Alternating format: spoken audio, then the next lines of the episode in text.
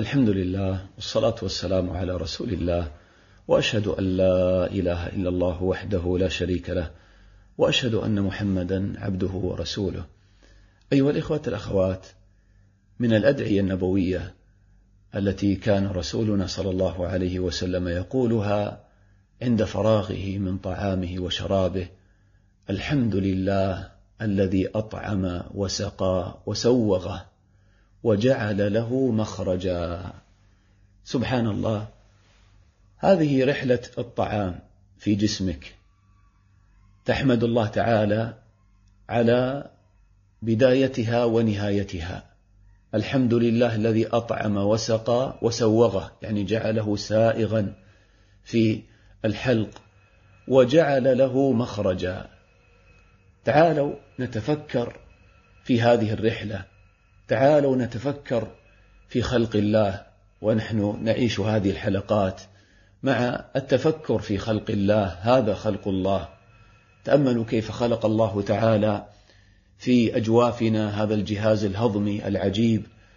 مطبخ متكامل لطبخ الطعام وتجهيزه حتى ينتفع به جسم الإنسان وتوزع هذه المواد الغذائية بعد طبخ الغذاء على جسم الإنسان. ونحن لا نشعر بما يكون في أجوافنا في هذا الجهاز الهضمي. نحن نأكل اللقمة نمضغها نبلعها ثم لا ندري ما الذي يحصل لها. لكن الله تعالى لطيف بنا خلق لنا هذا الجهاز العجيب المتكامل. تعالوا نمر مرورا سريعا أو نسير في هذه الرحلة العجيبة للطعام في الجهاز الهضمي.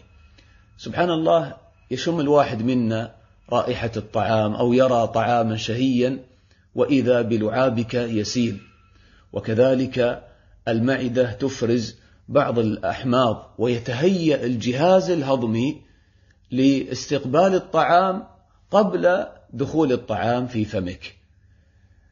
تأخذ اللقمة وتدخلها في فمك في هذه الغرفة أول غرفة لتجهيز الطعام المناسب للجسم فيتم تقطيع هذه اللقمة بالأسنان وطحنها ويفرز عليها اللعاب.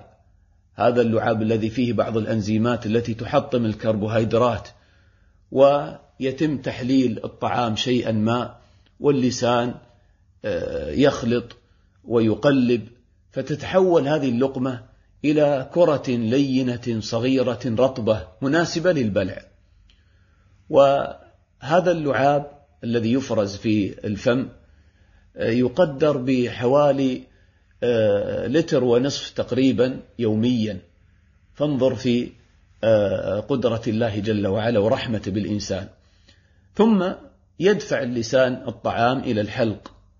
وهناك قبل أن ينزل الطعام إلى المريء القصبة الهوائية تأتي في أمام المريء ثم خلفها المريء والمجرى يعني في نزول الطعام والهواء واحد.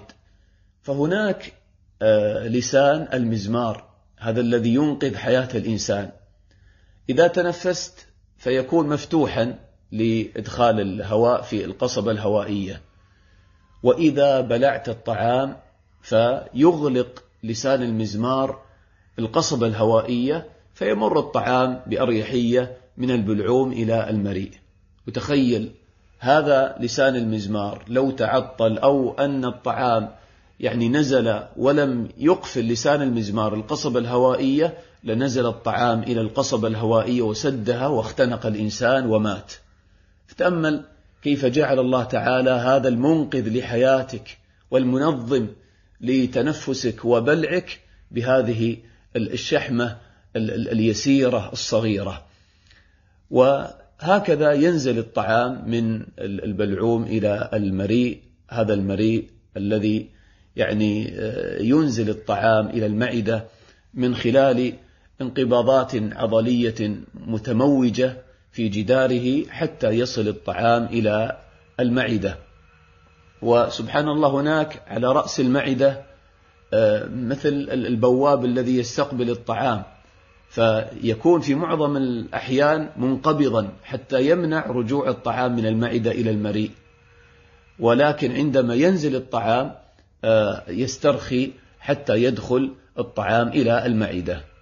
ثم المعدة كأنها القدر الذي يتم فيه تجهيز الطعام لجسم الإنسان.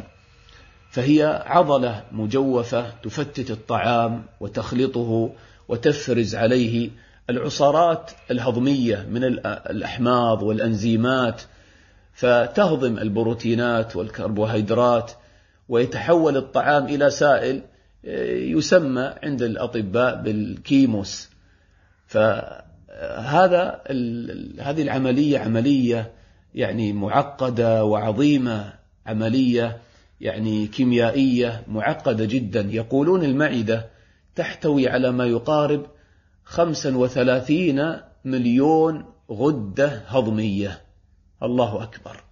تأمل كيف خلق الله تعالى هذه الغدد التي تقوم بإفراز هذه العصارات الهضمية لتجهيز الطعام لأجسامنا.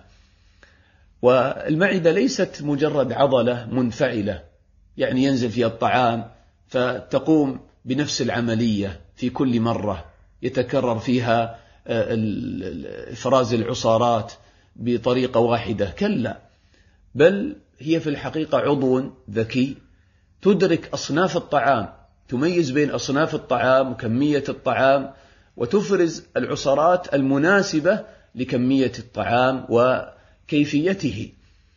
والأمر العجيب أيضا أنها تخطط وتنسق فترسل المعدة إشارات عصبية إلى الكبد والمرارة والبنكرياس لتعمل على إفراز العصارات الصفراوية والبنكرياسية المناسبة لهضم الطعام بما يناسب كميته ونوعيته. سبحان الله. من خلق فيها هذا الذكاء؟ تأمل. في قدرة الله تعالى ولطفه. ثم بعد أن يتم طبخ الطعام في المعدة ويتحول إلى يعني سائل وتهضم يعني البروتينات والكربوهيدرات هناك أيضا بواب آخر بين المعدة والأمعاء الدقيقة. عضلة دائرية سميكة تعمل على تنظيم تفريغ السائل المهضوم من المعدة إلى الأمعاء وتمنع من ارتجاعه مرة أخرى. وهناك في الأمعاء في بداية الأمعاء يفرز على السائل المهضوم العصارات التي خرجت من البنكرياس والمرارة آه، تساعد في هضم الدهون والفيتامينات. ثم ينتقل هذا السائل المهضوم إلى بقية أجزاء الأمعاء الدقيقة. هذه الأمعاء الدقيقة التي طولها في جسم الإنسان يصل إلى ست إلى سبعة أمتار. تخيل هذا الطول يعني في الأعماء الدقيقة هذا كله في جسمك سبحان الله. فهكذا هناك يتم امتصاص المواد الغذائية التي تناسب جسم الإنسان. لكن قبل التوزيع يقوم الكبد بتنظيفها من السموم والمواد الكيميائية الخطيرة.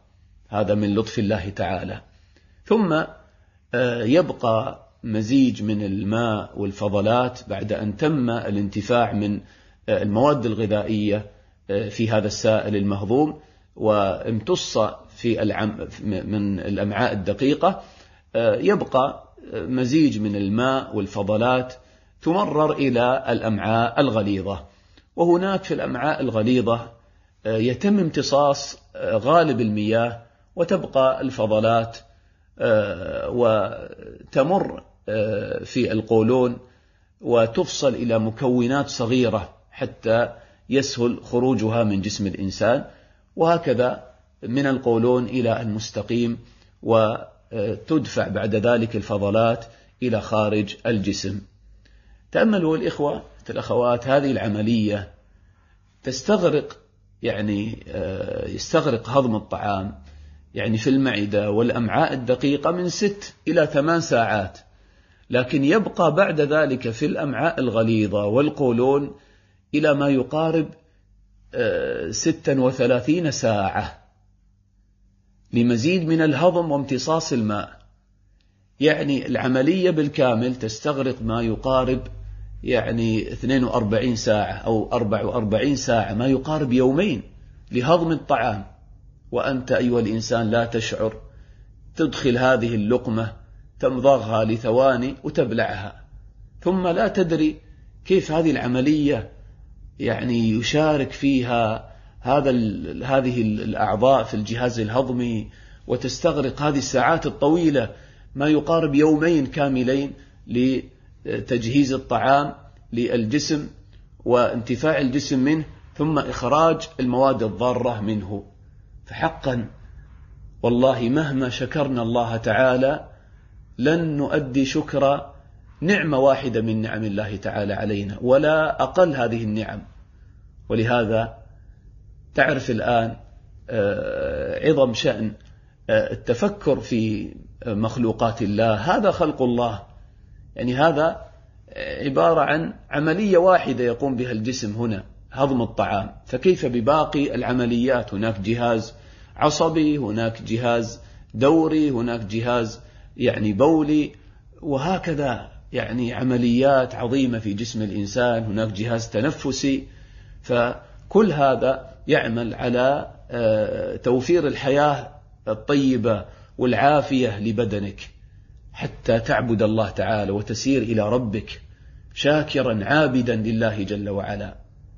نحمد الله تعالى على هذه النعم التي لا يمكن أن نحصيها وإن تعدوا نعمة الله لا تحصوها. نسأل الله تعالى أن يجعلنا شاكرين له جل وعلا وأن يعيننا على ذكره وشكره وحسن عبادته وأن يعيننا على التفكر في آه، مخلوقات الله تعالى. وقد قال الله تعالى وفي أنفسكم أفلا تبصرون. نسأل الله تعالى أن يغفر لنا ويرحمنا والحمد لله رب العالمين وصلى الله وسلم على نبينا محمد وعلى آله وصحبه أجمعين